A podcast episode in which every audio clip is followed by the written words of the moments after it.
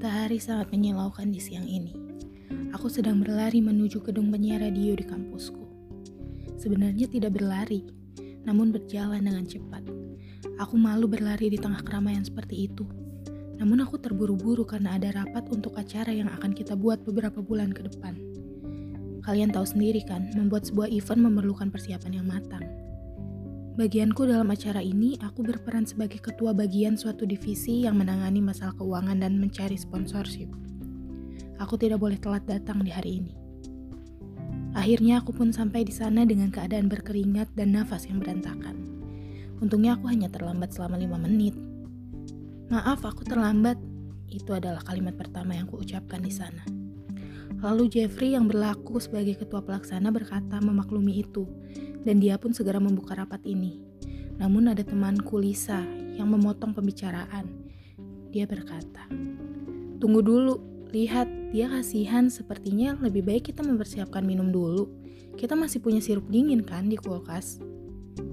Kemudian ada juniorku yang ikut dalam rapat itu bernama Sani langsung berdiri beranjak dari tempat duduknya dan berinisiatif mengambil gelas plastik yang tertumpuk di sebelah kulkas. Tunggu kak, biar kuambilkan gelasnya, kata Sani. Kemudian ada anggota lainnya dalam rapat itu yang bernama Alfred membantunya mengambilkan sirup dingin dalam botol besar dari kulkas. Sani pun mengambilkan kami gelas plastik kosong dan membagikannya satu persatu. Kami mengambilnya sendiri saat disuguhkan dalam keadaan gelas tertumpuk itu. Alfred menuangkan sirup satu persatu ke semua gelas. Saat itu pula senior Kumei berdiri dan menuju ke kulkas. Dia pun berkata, Kayaknya nggak afdol kalau minum sirup nggak pakai es batu. Dia pun diambilkan beberapa es batu dan ditaruh dalam minumannya oleh Alfred, karena dia sedang berada di dekat kulkas. Setelah itu, kami bertuju memulai rapat ini. Orang yang ketujuh dia bernama Benny. Dia belum kusebutkan namanya, karena memang dia tidak melakukan apa pun. Saat rapat, Benny mengambil tambahan sirup karena dia nampak lebih haus dariku. Saat Benny meminum sirup itu, tiba-tiba dia duduk dan dia bertanya-tanya kenapa ia mengantuk. Lalu dia pun tertidur sembari duduk. Kami panik karena sepertinya dia pingsan. Namun ternyata tidak hanya Benny, kami pun mengantuk dan jatuh tertidur. Semua orang di dalam ruangan itu tertidur termasuk diriku. Setelah itu aku tidak sadar dan aku mendengar Lisa membangunkanku. Dia terbangun lebih dahulu dari yang lainnya. Setelah aku tersadar, aku membangunkan yang lainnya. Namun ada yang hilang di sini. Jeffrey tidak ada di ruangan ini. Alfred mencoba membuka pintu namun terkunci dari luar. Mei berkata, Jangan-jangan Jeffrey iseng kunci kita dari luar. Anak itu emang iseng banget. Benny menjawab, Belum tentu kak, mungkin aja ada yang tahu tempat kunci di bawah keset itu selain kita. Apa pun itu, sepertinya kita harus menghubungi Jeffrey dan memintanya membuka pintu. Namun sudah satu jam tak ada balasan. Hari sudah malam, kita membuka paksa pintu ini. Saat pintu terbuka, ternyata ada Jeffrey yang tewas dalam posisi duduk di atas kursi di depan pintu itu dalam keadaan dada tertusuk pisau. Kunci ruangan ini pun ada ditemukan di kantung bajunya. Kami semua kaget dan merinding. Kita pun akhirnya saling mencurigai satu sama lain karena waspada, siapa tahu pelakunya di antara kita.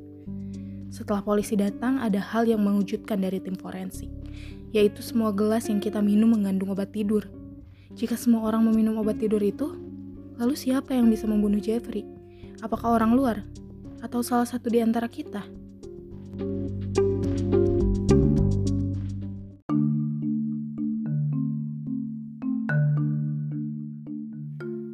Ya, sebentar lagi akan saya beberkan pelaku pembunuhan tersebut dan cara ia melakukannya. Apabila Anda masih ingin waktu untuk berpikir, silakan pause. Atau lanjut mendengarkan apabila Anda sudah mengetahui pelakunya. Karena klunya sangat jelas terpapar di sana. Dalam kasus ini, semua anggota mengetahui kunci selalu berada di luar, di tempat yang hanya kita yang tahu. Maka itu memungkinkan siapa pun bisa menduplikasi kunci itu. Ini adalah trik yang mungkin dipakai untuk membuat korban seakan dibunuh orang lain di luar sana. Karena itu pelakunya ada di sekitar kita karena mungkin pelaku ingin membuat ini perbuatan orang luar. Namun jika orang luar bagaimana dia bisa meracuni kami? Jika orang luar mungkin saja gagal karena ada kemungkinan kita mengunci ruangan dari dalam saat rapat. Bagi kalian yang mencurigai Lisa sebagai pelakunya, Karena Lisa terbangun pertama mungkin bisa dijadikan alasan dan kemungkinan dia membunuh korban lalu membangunkan kita. Namun bagaimana cara dia membuat semua orang tertidur dan dia bangun pertama? Itu tidak bisa dijelaskan, maka tebakan Anda salah. Lalu bagi yang menebak Mei karena ia mengambil es batu karena kalian kira dia mengambil penawarnya, itu memungkinkan. Namun es batu itu diambilkan oleh orang lain yaitu Alfred. Bagaimana dia mendapatkan penawarnya? Jika semua es adalah penawar, bagaimana jika situasi tidak terduga ada orang lain atau semua mengambil es? Rencana akan gagal, maka Mei bukan pelakunya. Bagaimana dengan Alfred? Dia mengambilkan minuman dan menuangkan ke semua gelas termasuk gelasnya sendiri. Bagaimana dia menghindari racun jika racunnya ada dalam minumannya? Maka dia tidak mungkin pelakunya. Jika begitu, saat Benny meminum sirup di saat kedua kalinya bukan berarti dia pingsan pertama dan dia terbangun pertama juga. Dan minumannya pun sama seperti minuman yang ia minum pertama. Jadi dia bukan pelaku yang meminum penawar racun itu. Yang tersisa adalah Sani. Iya, hanya Sani yang bisa melakukan ini karena dia yang mengambil gelas. Jelas sekali obat tidur itu sudah disemprotkan ke enam gelas sebelumnya. Hanya dia yang bisa mengatur gelas mana yang tak terkena obat. Sebelumnya dia memberi obat tidur pada keenam gelas plastik dan membagikannya. Otomatis dia mendapatkan gelas nomor tujuh yang tidak mengandung obat tidur. Tapi polisi berkata semua gelas itu memiliki kandungan obat tidur. Lalu bagaimana ia bisa melakukannya? Setelah semua orang tertidur dan hanya Sani yang pura-pura tidur, dia bangun dan menyeret korban ke depan dan menusuknya. Lalu memposisikannya duduk. Mengunci pintu dengan kunci cadangannya. Sisanya dia tinggal menyemprot obat tidur yang sama ke minumannya dan ikut tertidur seperti yang lain. Sehingga terlihat dia tidur layaknya korban obat tidur seperti yang lainnya. Bagaimana cerita kali ini? Apakah kalian tertipu? Atau kalian menyadarinya? Terus dukung kami di channel ini agar terus berkembang.